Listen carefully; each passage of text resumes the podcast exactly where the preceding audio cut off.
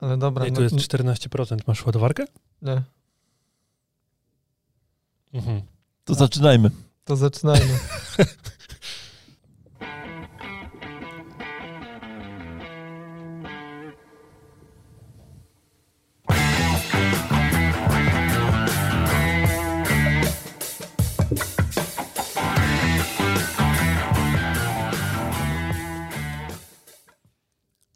fizjopasjonaci. Dzień dobry. Siema, siema. Razem ze mną w studiu CEO of Physiopassion Marcel Mieszkalski Dzień dobry. i Executive Director Jakub Durczak. Hej. No, a ja będę prowadził ten podcast, nazywam się Dariusz Kowalski. Dobrze, moi drodzy, zaczynamy jak zwykle od kącika społecznościowego. I Radek, Cóż dzisiaj? Radek e, pisze, Marcel, że też nie rozumie, e, o co chodzi z tym zbieractwem certyfikatów. Okej, Jakby super. podzie, podziela twoją opinię i że tak myślę, że ludzie raczej chyba nie wieszają ich tak na ścianach masowo, chociaż to bywa różnie, mam wrażenie. Wy macie powieszone certyfikaty na ścianach? Nie. Kubuś? Ja mam w poczekarni kilka tam. I to jeszcze takich bardzo zarzuconych z czasów XVII wieku w twoim przypadku. Nie. Natomiast tak, mam bardzo stare certyfikaty, bo powiesiłem je bardzo dawno temu i wtedy jakiś szpec od marketingu mi podpowiedział, że dobrze, żeby były obcojęzyczne, więc powiesiłem jakieś niemieckie, z jakiejś niemieckiej terapii manualnej. Ale co, myślicie, że to źle, jak już są certyfikaty? Nie, nie źle, ale myślę, że Nie. też jakby Ja ostatnio... nie em, widzę w tym jakby większej wartości. Ja ostatnio jestem nastawiony na mm, designerskie e, wykańczanie wnętrz i certyfikaty mi się w to nie wpisują, więc A, rozumiem. To możesz, wiesz, jakoś w jakiś taki y, szalony wzorek ułożyć te certyfikaty. nie, bo każdy jest z innej parafii. Powieszę sobie może z akademii, bo tam są e, wszystkie takie same. Spójnej więc- szacie graficznej, rozumiem. Dokładnie. Wiesz co, mi się wydaje, że to kiedyś miało większy sens, jak internet nie był taki popularny, bo ktoś przychodził do gabinetu z polecenia zwykle i sobie tam patrzył, że o, fajnie, fajnie, jakby fachowiec, a teraz wydaje mi się, że zdecydowana większość pacjentów, którzy do mnie przychodzą, jakby wcześniej sprawdza mnie w internecie, więc oni jakby mm, Mhm. w pewnym sensie jakby trochę wiedzą, do kogo przychodzą, nie? I nie wiem, czy aż takich interesuje, jaki kurs skończyłem w 2009 roku, nie? Okej. No ja też nie mam powieszonych certyfikatów, natomiast to akurat z mojego lenistwa, bo zawsze chciałem powiesić, ale już do tej pory nie powiesiłem jeszcze. Stary, ja kiedyś zakupiłem antyramy i prawie wszystkie wsadziłem w antyramy. One mi zajmowały taką wielką torbę z Ikei. No, ja mam, ten, to ja mam, u mnie stoją w szafie właśnie E, wszystkie dyplomy w antyramie, No, ledwo, I ledwo to gdzieś ta torba leży dalej, nie? No. Jak będę robił adaptację poddasza, to pewnie wtedy Tam sobie wykleisz poddasze. Nie, to je znajdzie. to je znajdę i zamówię kontener.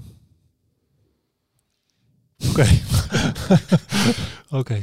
Y, Artur z kolei pisze, y, że na szkoleniu z terapii manualnej jeden z prowadzących powiedział, że jest tylko jedno przeciwwskazanie do manipulacji. Jest to sam terapeuta. Więc zgadza się z naszym podejściem, że jeżeli coś ci nie pasuje, chociaż nie wiesz co, to Aczkolwiek nie posunąłbym się do tego, że to jest jedyne no to prawda. przeciwwskazanie. To prawda, to To- prawda. To jest może główne, tak? E, Nie, nie rozważając jeszcze tych bardziej takich medycznych i metodycznych z perspektywy terapii, to myślę, że to jest główne przeciwwskazanie w kontekście e, pewności terapeuty. Tak. E, idziemy przez kącik społecznościowy jak burza, moi drodzy. I teraz mamy e, komentarz na YouTubie nam się pojawił od Window Beer Review, Tomas, Brzmi dobrze.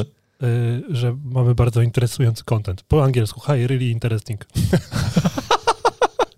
Więc pomyślałem, że warto wspomnieć o tym, że Window Beer Review Thomas właśnie tak uważa, że mamy bardzo interesujący content. Cieszy nas to.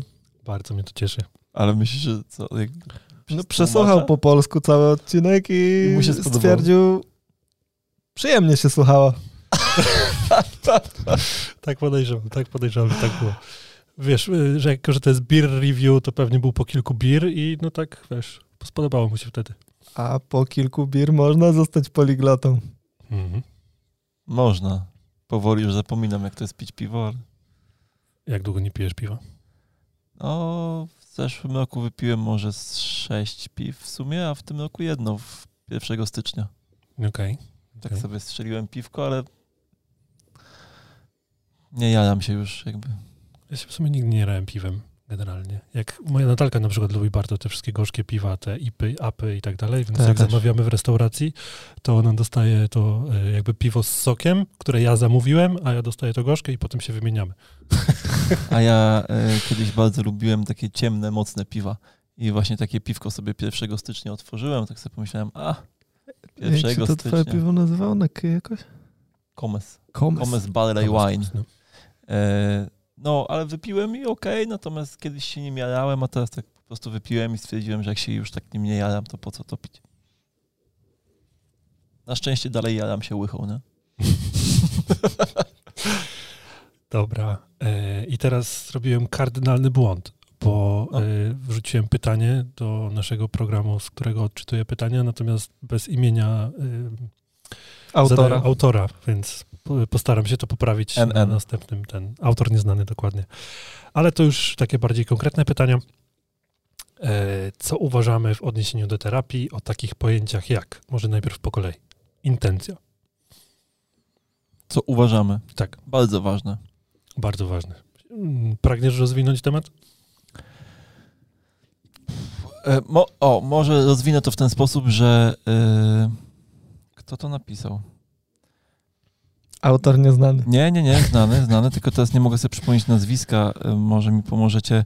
To był e, uczeń Stila z pierwszego roku, e, kiedy Stil uczył, Sutherland. z pierwszego rocznika, nie, na C, a czyta się przez K.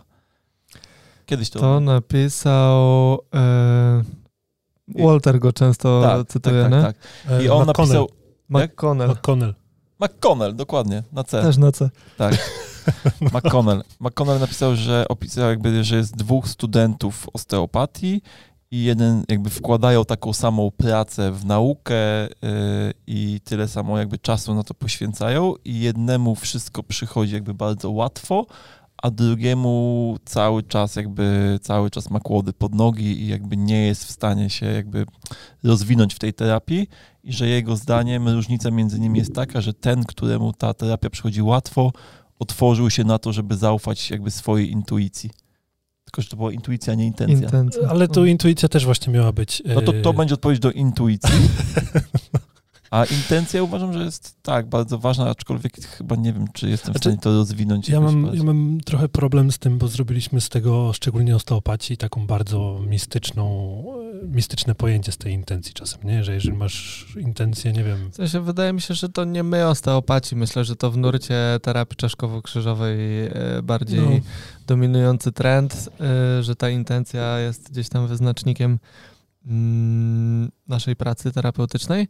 Natomiast no, trzeba tutaj odróżnić intencje na poziomie tego, że my z założenia mamy dobre intencje w kontekście tego, że chcemy pacjentowi pomóc, chcemy mm, w pewnym sensie zbudować warunki do tego, żeby ten pacjent mógł zdrowieć. Natomiast jeżeli mówimy o intencji w kontekście tego, że ja leczę pacjenta intencją, sensie nie idzie za tym żadna praca, e, która ma wspomóc zdrowienie pacjenta, tylko moja Nie, intencja no, ma idzie działanie. intencjonalna praca. A, no, no to jakby no to jest dla mnie problematyczne w tym sensie, ja że wysiadam. Ja wysiadam, no. no w, w takim sensie, że y, to jest to, co często powtarzam na podcaście, nie? że ja nie mam y, w zwyczaju kogokolwiek oceniać i każdy może sobie pracować z pacjentem po swojemu do momentu, dopóki ta praca mm, nie powoduje krzywdy y, w perspektywie długoterminowej y, w przypadku pacjenta, tak? Czyli intencjonalnie pacjentowi pomogłem i pacjent czuje się lepiej. Natomiast y, problem, który u podłoża problemu tego pacjenta leżał, nadal istnieje i nadal drąży mm, jakby jakąś patologię czy jakiś problem zdrowotny. Więc, więc ta intencja dla mnie tak niekoniecznie. Czy ja myślę, że nie ma co do tego dorabiać jakby zbędnej no filozofii do tej intencji. Też tak myślę. Myślę, że to jest jakby bardzo proste i logiczne, tak? Jeżeli masz pacjenta, z którym się, nie wiem, pokłóciłeś na początku wizyty, to nie zrobisz mu dobrej terapii. To jest proste. no tak? Myślę, że No tyle. jasne, jasne. E, Kolejna, kolejne hasło to wizualizacja i czasem mam wrażenie, że to, co czasem nazywamy intencją, to mamy właściwie na myśli też wizualizację, czyli jakby w mojej intencji pracuję z jakąś tam konkretną tkanką, a, a bardziej mam na myśli to, że wizualizuję sobie pracę z tą tkanką i tak dalej. Natomiast co do samej wizualizacji w terapii, no myślę, że to jest jakby dość kluczowa rzecz, szczególnie jeśli chcemy pracować na e, przede wszystkim strukturach głębiej położonych i na mm, jakby to powiedzieć, e, drobnych strukturach. W sensie potrzebuję zaangażować w to, w to moją wyobraźnię, żeby wiedzieć, co robię z tym, e, z tym pacjentem po prostu. Nie? E, To jest trochę podobnie jak z tą intencją, nie? Że jakby jeżeli pójdziemy w tą stronę, że ja sobie wizualizuję, że pacjent będzie zdrowy, no to jakby ta wizualizacja mnie mało jakby pociąga. Natomiast jeżeli ja czuję jakieś napięcie, wzorzec napięciowy w ciele pacjenta i wizualizuję sobie struktury anatomiczne, które mi do tego wzorca pasują, no to to jest jakby ta wizualizacja, o której chyba myślimy, nie? Myślę, że y, tutaj pojawiło się ważne słowo w wypowiedzi Darka, czyli wyobraźnia. I tutaj y, ja uważam, że żeby coś sobie wizualizować, czyli w pewnym sensie wyobrażać sobie pewne struktury, to im szerszy jest nasz pogląd na to, co sobie wizualizujemy, im bardziej znamy te struktury anatomiczne z perspektywy makroskopowej, mikroskopowej, tym łatwiej nam się na poziomie wizualizacji odnieść do tego, e, z czym faktycznie pracujemy. Nie? Bo teraz nakładając na to ten wzorzec napięciowy, o którym Kuba powiedziałeś, to jeżeli ten wzorzec będzie miał określoną charakterystykę kierunkową, no to ja wiem, że w tym obszarze takie, a nie inne struktury mają taką charakterystykę napięciową, więc wiem, że prawdopodobnie tym wzorcem objęte są e, takie, a nie inne struktury, nie? Bo biorąc pod uwagę warstwowość struktur, biorąc pod uwagę e, ilość tych struktur w e, właściwie dowolnym obszarze naszego ciała, no to ciężko by było sobie to zwizualizować jako jeden obraz, tym bardziej, że mm, anatomiczne lektury podają nam to zazwyczaj w formie wyizolowanej. Nie? Tu macie kości, tu macie więzadła, tu macie mięśnie, tu macie to, tu macie tamto.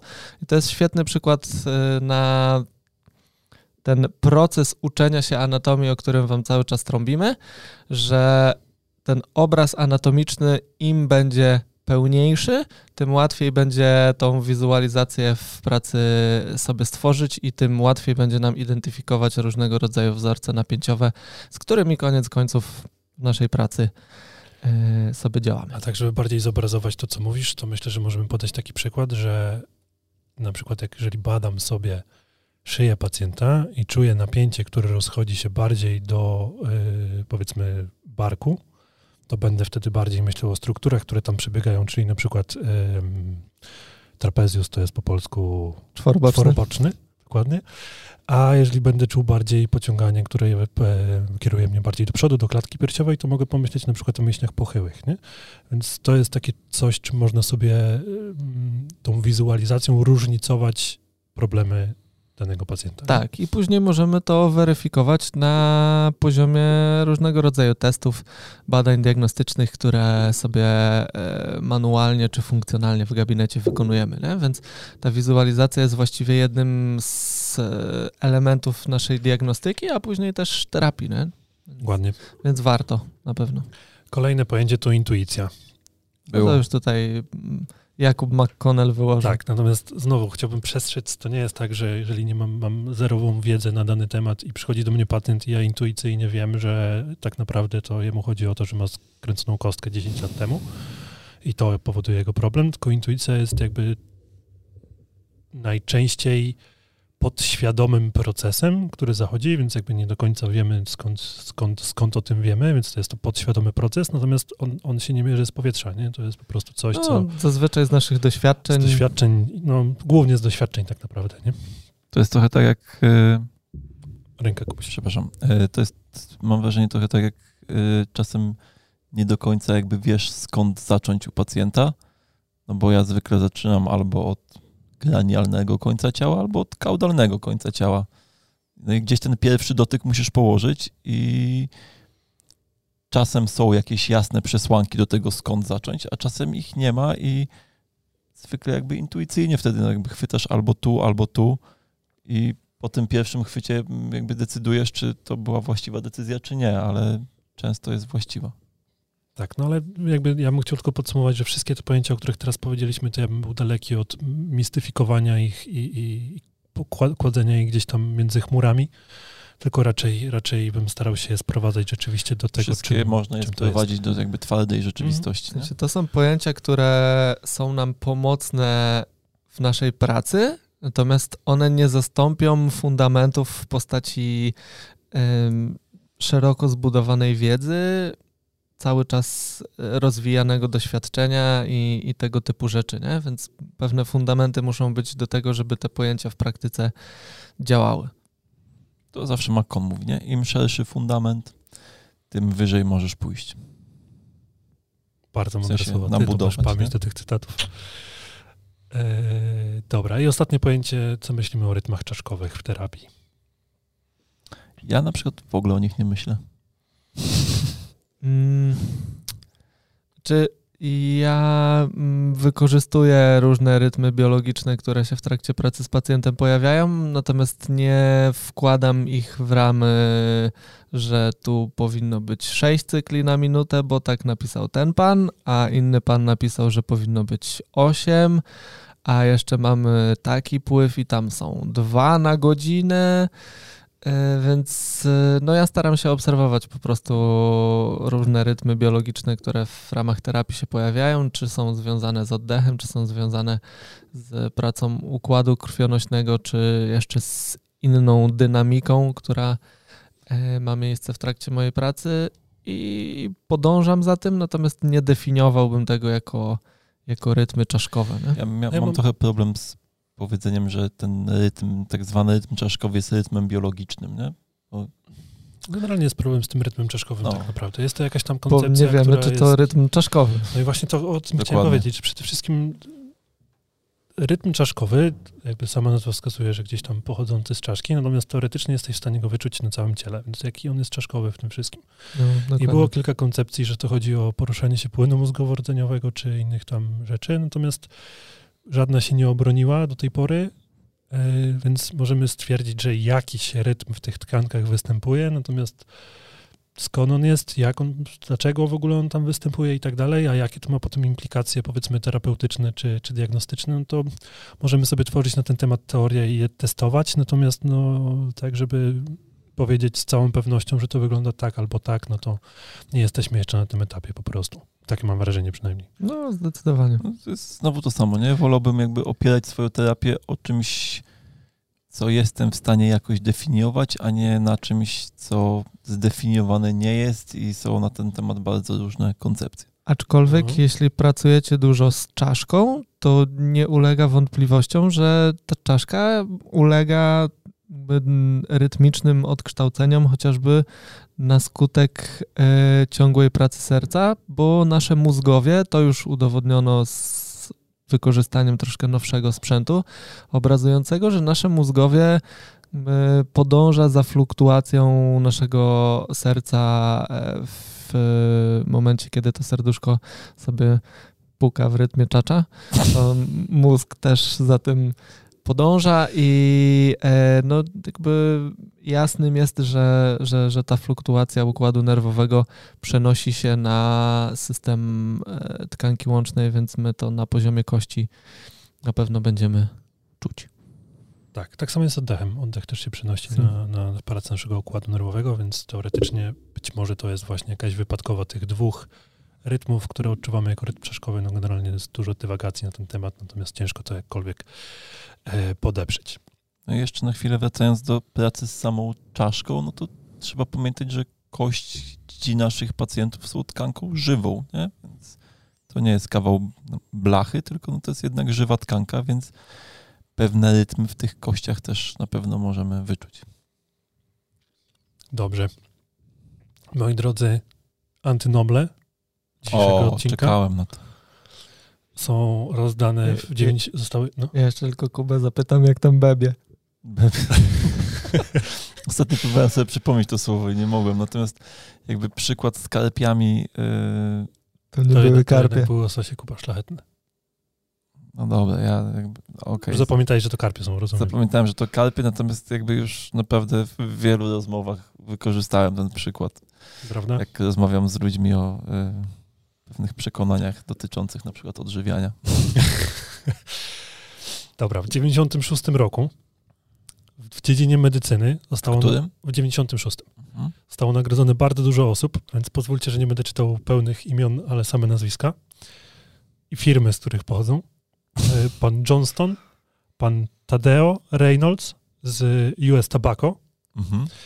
pan Tish e, z Lorillard, pan Campbell, pan Morris, nie, przepraszam, pan Campbell z Philip Morris, pan Horrigan z Już grupy coś o szlugach. Liget, pan Johnston z American Tobacco znowu i pan Thomas E. Sandfur e, z Williamson Tobacco Company.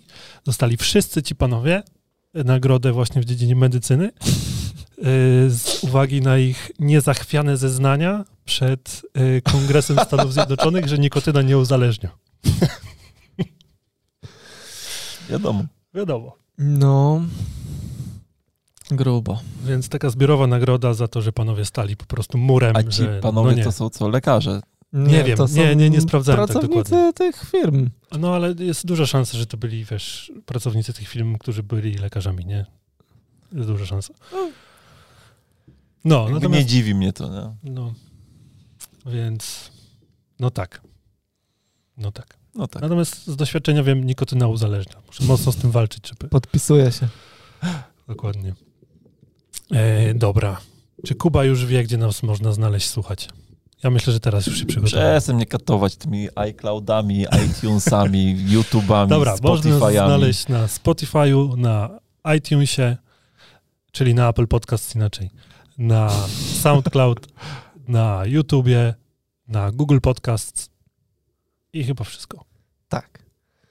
No i oczywiście w mediach społecznościowych, Facebook, Instagram. Zapraszamy. Tak, zapraszamy. TikTok dalej nie.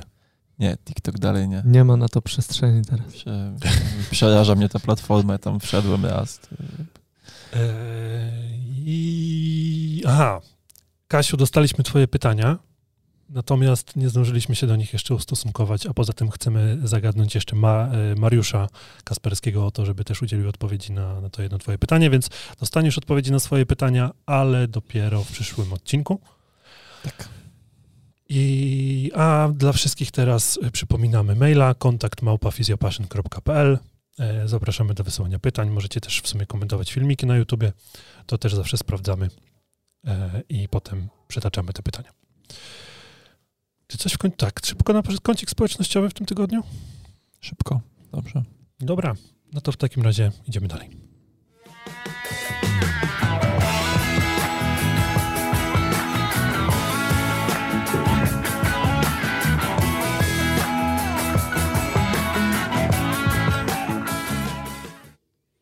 Kącik gabinetowy. Jakub Durczak. Dobrze.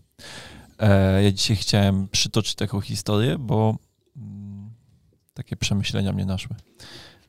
Trafił do mnie pacjent, młody chłopak e, z chorobą Pertesa, z e, martwicą głowy kości udowej. Przysłał go do mnie jakby jego fizjoterapeuta prowadzący. Mm, No i potem jakby po terapii się zdzwoniliśmy z tym fizjoterapeutą, trochę jakby sobie porozmawialiśmy na temat pacjenta e, i tam jest dla mnie taki jakby taka trudność w prowadzeniu tej terapii, że e, lekarz prowadzący dał absolutny zakaz obciążania kończyny e, do czasu tam poprawy stanu, ponieważ obawia się o odkształcenie tej głowy kości udowej. No i tak sobie rozmawialiśmy o tym, że mm, ciężko jest w takich przypadkach znaleźć jakby złoty środek i myślę, że tutaj wymagałoby to pewnie em, rozmowy też z samym lekarzem prowadzącym, no bo mm, tam wokół tego biodra zrobiło się sporo takiego napięcia tkankowego. Poza tym no, martwica jest związana z e, upośledzonym ukrwieniem tej okolicy. No i teraz, jeżeli nie obciążamy kończyny, no to nie generujemy jakby napięcia mięśniowego w oku tej kończyny, czyli jakby w oku tego stawu, więc jakby pozbawiamy ją jakby naturalnej pompy, która mm, powoduje, że te napinające się wokół stawu tkanki będą napędzały ukrwienie tej okolicy. No więc jakby jedno stoi jakby w sprzeczności z drugim i myślę, że tutaj jakby u takich pacjentów szczególnie jakby ważna jest taka rozmowa między lekarzem a terapeutą, którzy prowadzą tego pacjenta, żeby wypracować jakiś kompromis, no bo jakby rozumiem tą obawę, ale z drugiej strony y, no uważam, że jednak w jakimś zakresie powinniśmy się zgodzić co do tego, co możemy z tą nogą jednak robić. Nie? No generalnie to jest problem z tymi martwicami, nie? szczególnie kończyn dolnych, gdzie yy, zalecane jest odciążanie właśnie kończyny. Natomiast kurczę, no nie bierzemy wtedy pod uwagę, jakie niesie ze sobą konsekwencje to, że będziemy odciążać kończynę, to, że będziemy chodzić o kulach, no bo właściwie jeżeli chcemy odciążyć kończynę, no to nie ma innej opcji, tylko trzeba chodzić o kulach a szczególnie jak to dzieje się najczęściej u małych dzieci, to dla ich rozwoju i potencjalne problemy jakby wynikające z obciążania jednej strony też jakby nie, nie, nie, nie przejdą bez echa, nie? Więc... Natomiast też moim zdaniem jest jakby kluczowe, żeby na przykład pokazać i wytłumaczyć lekarzowi prowadzącemu, co ja chcę yy, od pacjenta, bo uważam, że jeżeli, że można odciążyć prawie w 100% kończynę, ale jednak zachować jakąś biomechanikę chodu, nie? czyli żeby nie skakać na jednej nodze o kulach, tylko żeby wchodzić w kontakt pięty z podłożem, jakby robić tą fazę przetaczania stopy i wtedy nawet przy minimalnym obciążeniu jednak pojawi się ta aktywność mięśniowa wokół stawów, nie? Jednak to układ krwionośny też będzie inaczej reagował, nie? Bo będzie po prostu bodziec. Natomiast w momencie, w którym ta noga wisi w powietrzu, tam się nie dzieje nic, nie? No i często e, w okresie nasilenia e, tego problemu, jeśli odciążymy nogę, to być może mm, nie wpłynie to jakoś mocno na zniekształcenie, ale weźmy sobie później taką nogę, e, jak pacjent po tym okresie odciążenia zacznie ją obciążać, no to tam aktywność głównych stabilizatorów na poziomie tego stawu, aktywność mięśni tułowia, które powinny być w to zaangażowane, będzie właściwie żadna, więc pytanie, czy ten dysbalans, który tutaj powstanie w perspektywie długoterminowej tak czy tak nie przyczyni się do tego, że te zmiany zwyrodnieniowo-wytwórcze na poziomie tego biodra czy całej kończyny będą nam mm, powstawać nieco szybciej. I ja oczywiście z Wami się w 100% zgadzam, jeśli chodzi tutaj o, o to poszukiwanie kompromisu. Natomiast ja zawsze, jak pojawiają się tematy martwic, to będę bardzo mocno przekonywał do tego, nawet wczoraj mm, podcast wychodzi w poniedziałek, więc nie wczoraj, tylko kilka dni wcześniej. E, napisał e, do mnie jeden z naszych e, słuchaczy i obserwujących, co robię zazwyczaj z pacjentami z jałową martwicą e, guzowatości kości piszczelowej, czyli z tak zwaną chorobą Osgood-Schlatera.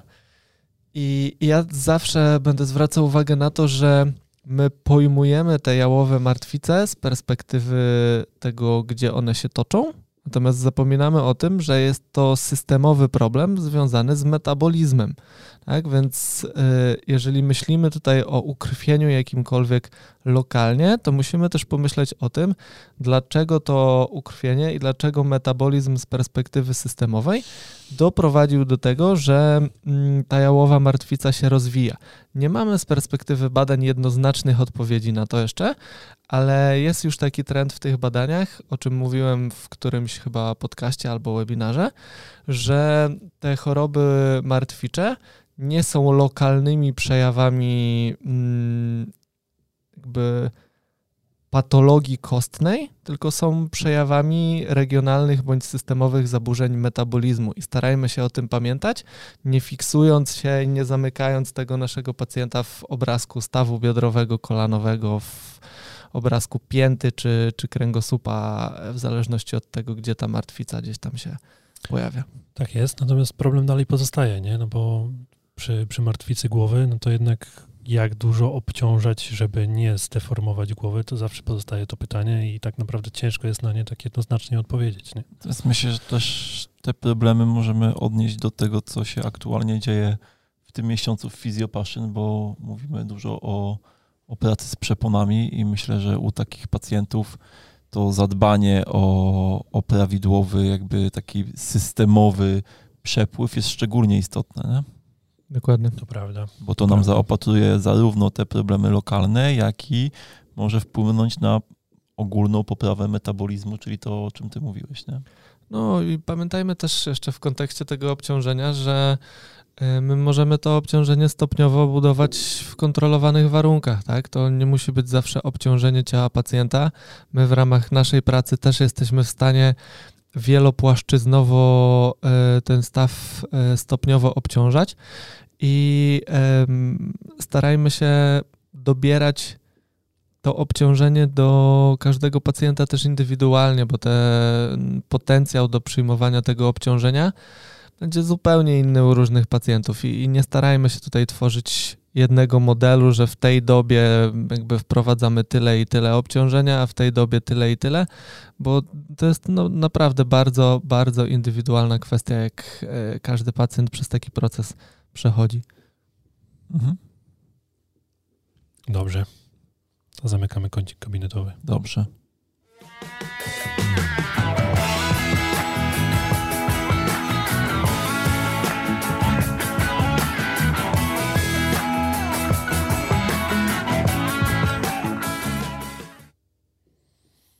Dobrze, moi drodzy.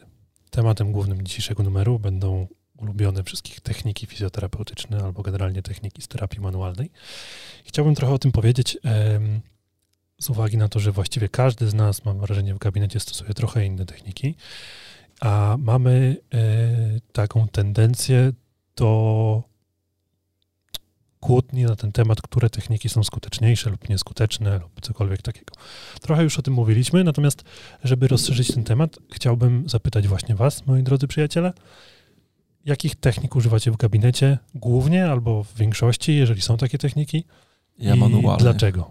Tak, tak, ale jakby czy wiesz,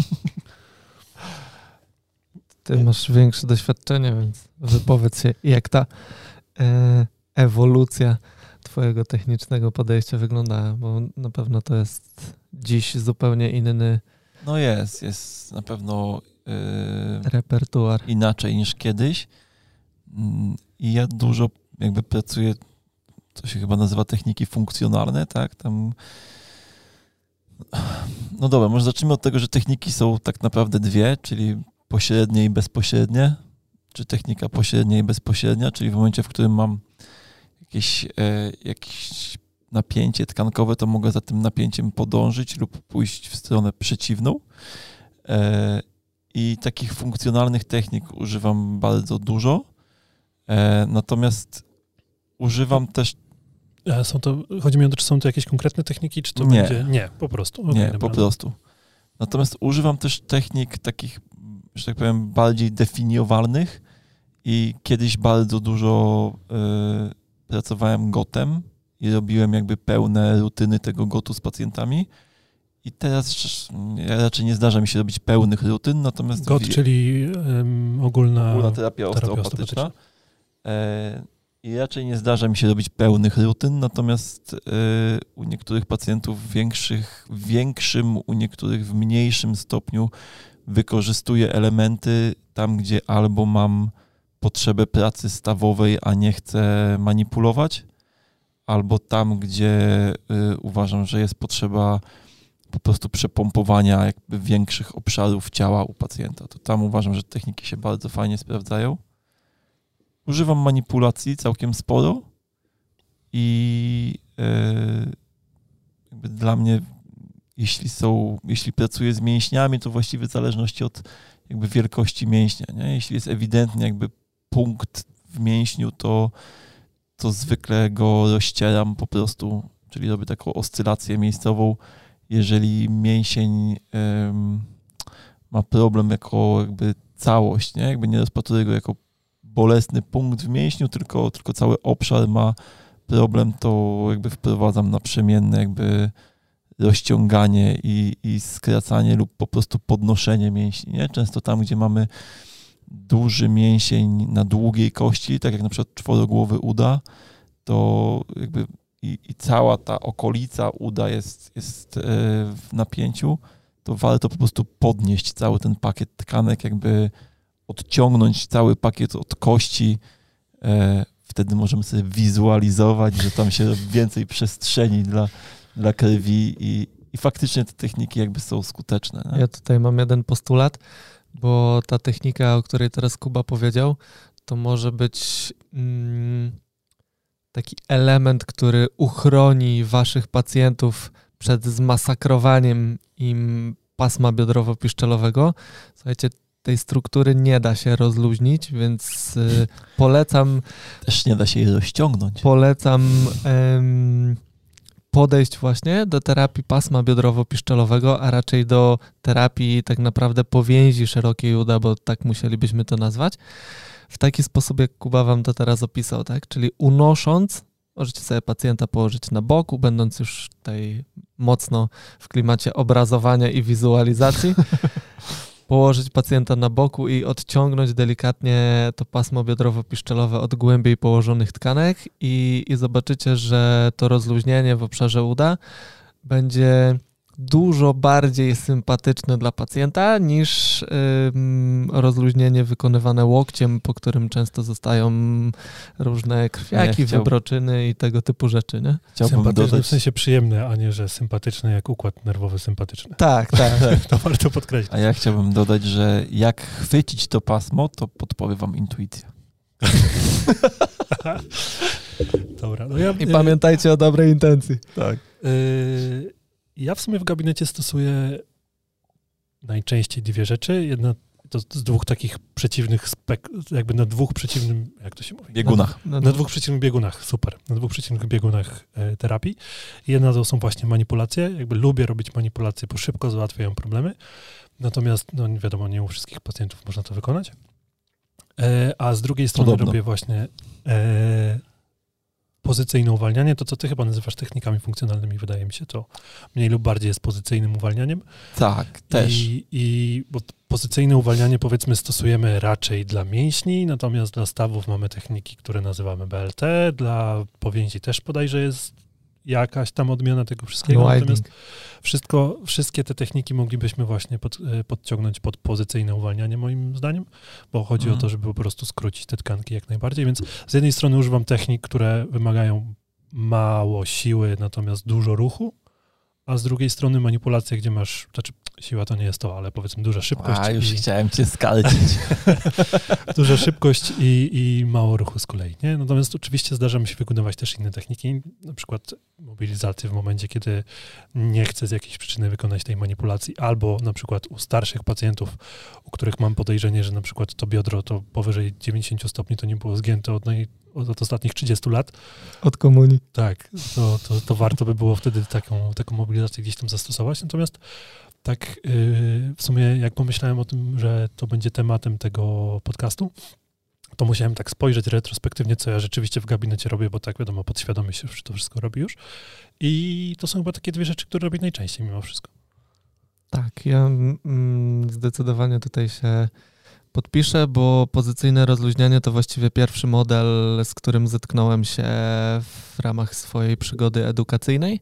Tutaj pozdrowienia dla Brzozy i dla Marcina hmm. Szkolnickiego, u których e, kończyłem kurs właśnie z terapii punktów spustowych w ujęciu pozycyjnego rozluźniania. I mm, ta metodyka pozycyjnego rozluźniania towarzyszy mi właściwie do dziś. Mm, nie w takim sztandarowym ujęciu, jak opisuje się to w podręcznikach, natomiast yy, myślę, że wypracowałem sobie taki swój model postępowania e, w ramach wykorzystania tych technik, który całkiem dobrze mi się sprawdza i naprawdę dobrze się z nim czuję. I ja pracuję dużo pośrednio, czyli tymi wszystkimi technikami, o których chłopaki powiedzieli.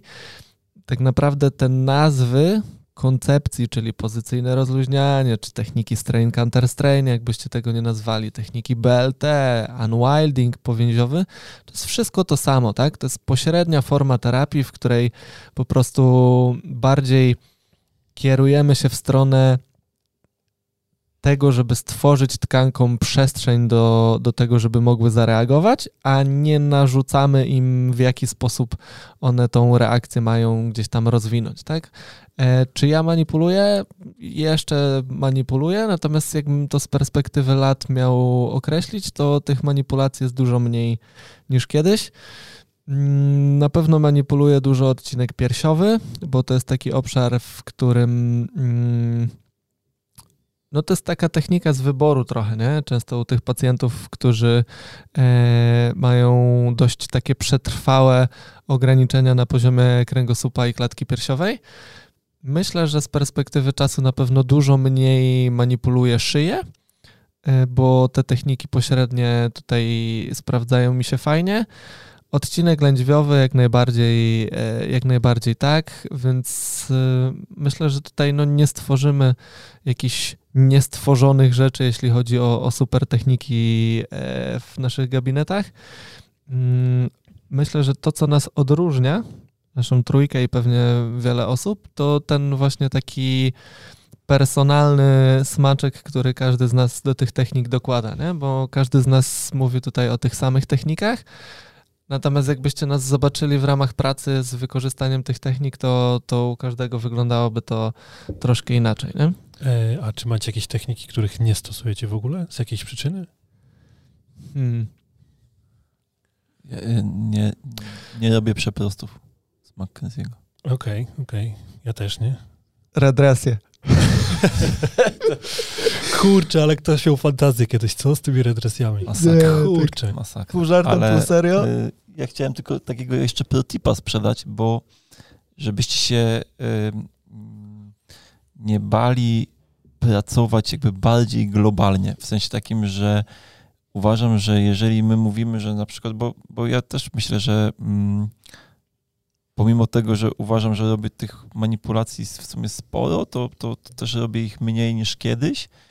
E, I ja myślę, że to wynika z tego, że bardziej pracuję jakby obszarowo niż e, lokalnie. bardzo lokalnie, nie? Że jak robię na przykład pozycyjne uwalnianie, to bardzo rzadko myślę o konkretnym mięśniu, tylko o całej okolicy, nie? I całą tą jakby okolicę staram się uwolnić. Znowu wracamy do tematu wizualizacji, nie? Tak. Tą samą technikę I... można zamknąć w ramach mięśnia tak. albo... I jak pracuję na przykład z szyją, to niekoniecznie myślę o konkretnym segmencie, tylko jakby pracuję z całą okolicą szyi i po takiej pracy potem się często okazuje, że nie ma już potrzeby takiej bardzo lokalnej pracy, jak manipulacja konkretnego segmentu, nie? Jeżeli jest, to ok, ale bardzo często, bardzo często ta, ta, ta praca globalna e, rozwiązuje jakby temat.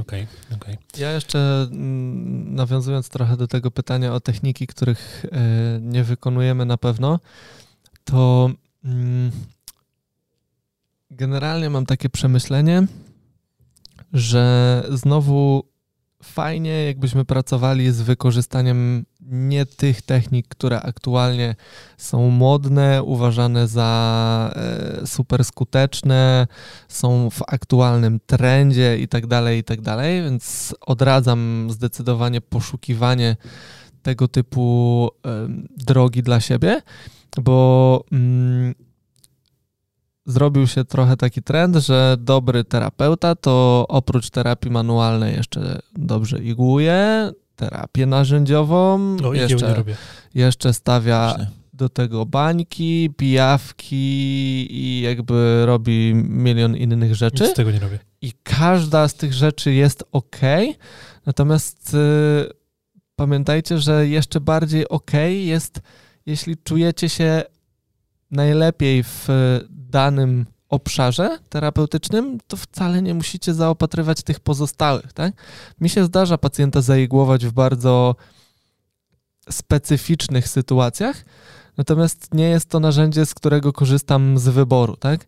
Nie stawiam pijawek w swoim gabinecie, natomiast to nie jest tak, że nie widzę dla nich e, potencjału terapeutycznego, ale jakby no, nie czuję się sam personalnie z tym Y, na tyle dobrze, żeby to wykonywać, nie? Więc y, odnośnie technik, których nie robicie, to spróbujcie się zmierzyć z daną formą terapii, natomiast jeśli z jakiegoś powodu się z nią mm, nie utożsamiacie, to, to moim zdaniem bez sensu taką formę terapii w swoim gabinecie robić, bo to najczęściej prowadzi do niezbyt e, no, dobrych konsekwencji dla pacjenta lub też dla Was.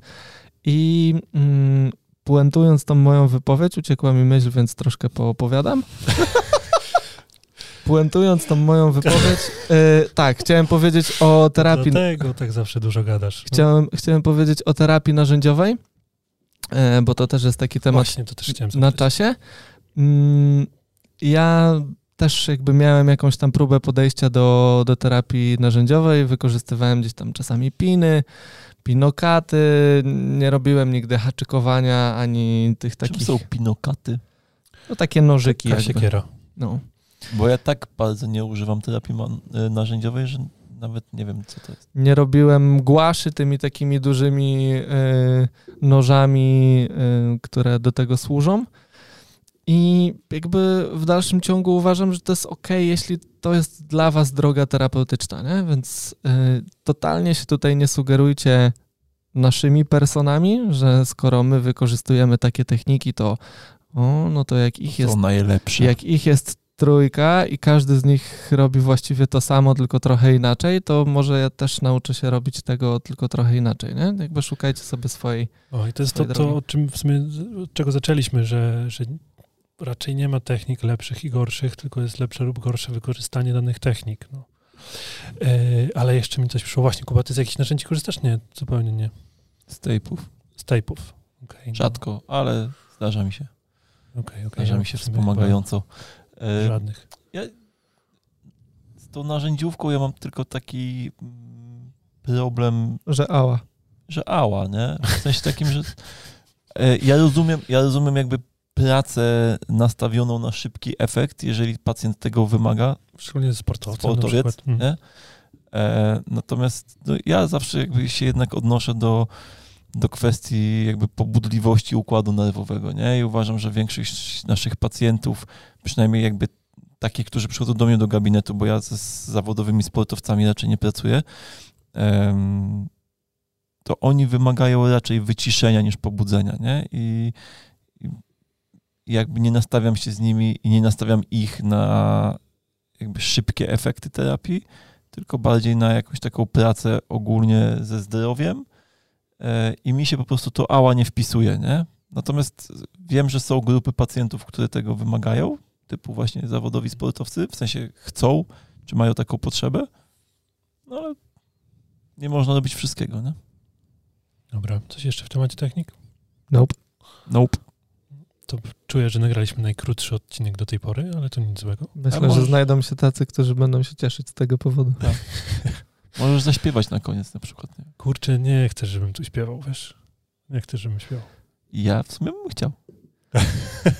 Ja w sumie nie wiem, czy bym chciał, żeby Darek śpiewał, ale na pewno chciałbym wam jeszcze powiedzieć o tym, co nowego w Physiopassion. A, e, wiedziałem, że o czymś to nam dzisiaj uciekło, więc e, w tym tygodniu, słuchajcie, przed nami webinar praktyczny z systemu przepon, na który was serdecznie zapraszamy w czwarteczek na godzinę 17.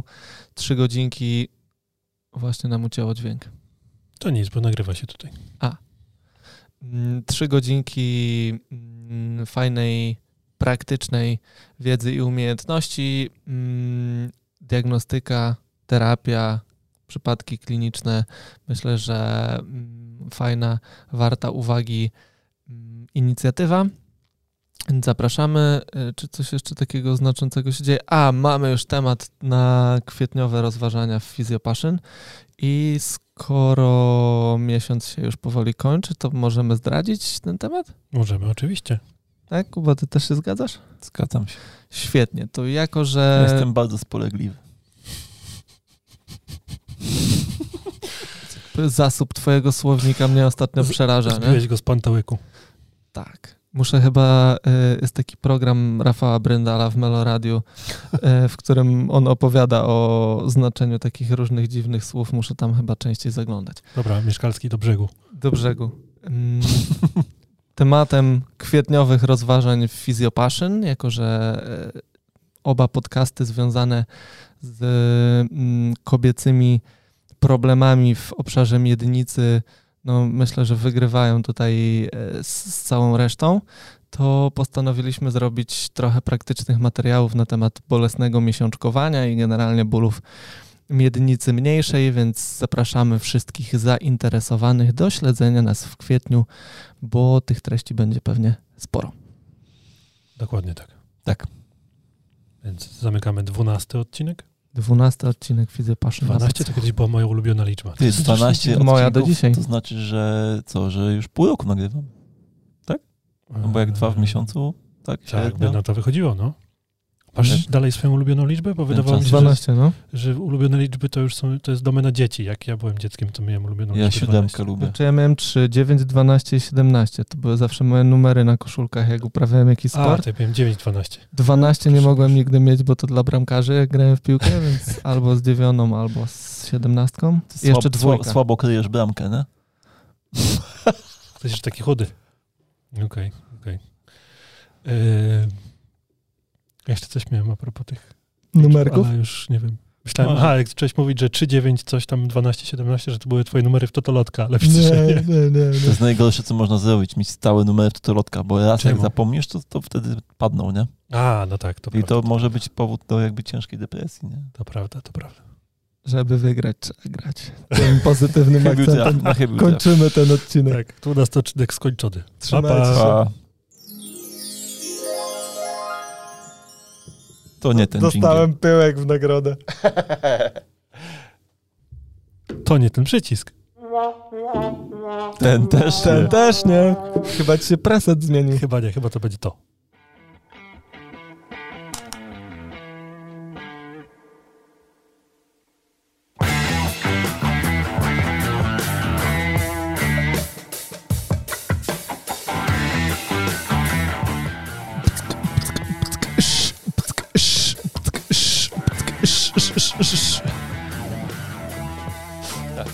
Czy to się nagrywało? Super. Zrobię sobie z tego dzwonek, jak do mnie dzwonisz. No nie wiem. E, trzeba będzie to wrzucić na granie na czekanie 2,44 za SMS-a z- za możliwość pobrania.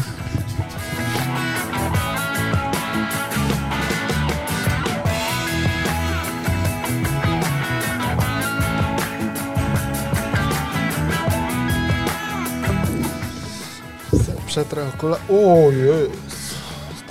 Panie sobie przetrę.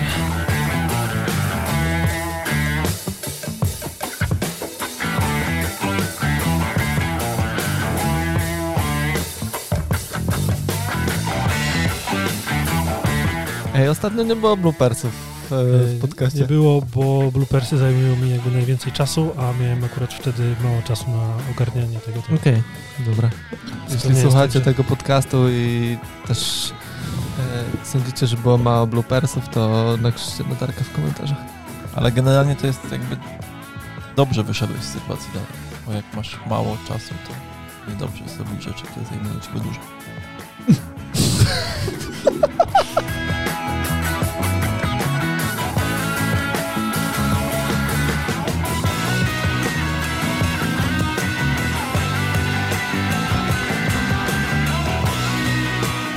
Dariusz potrzebuje troszkę głośniej o co.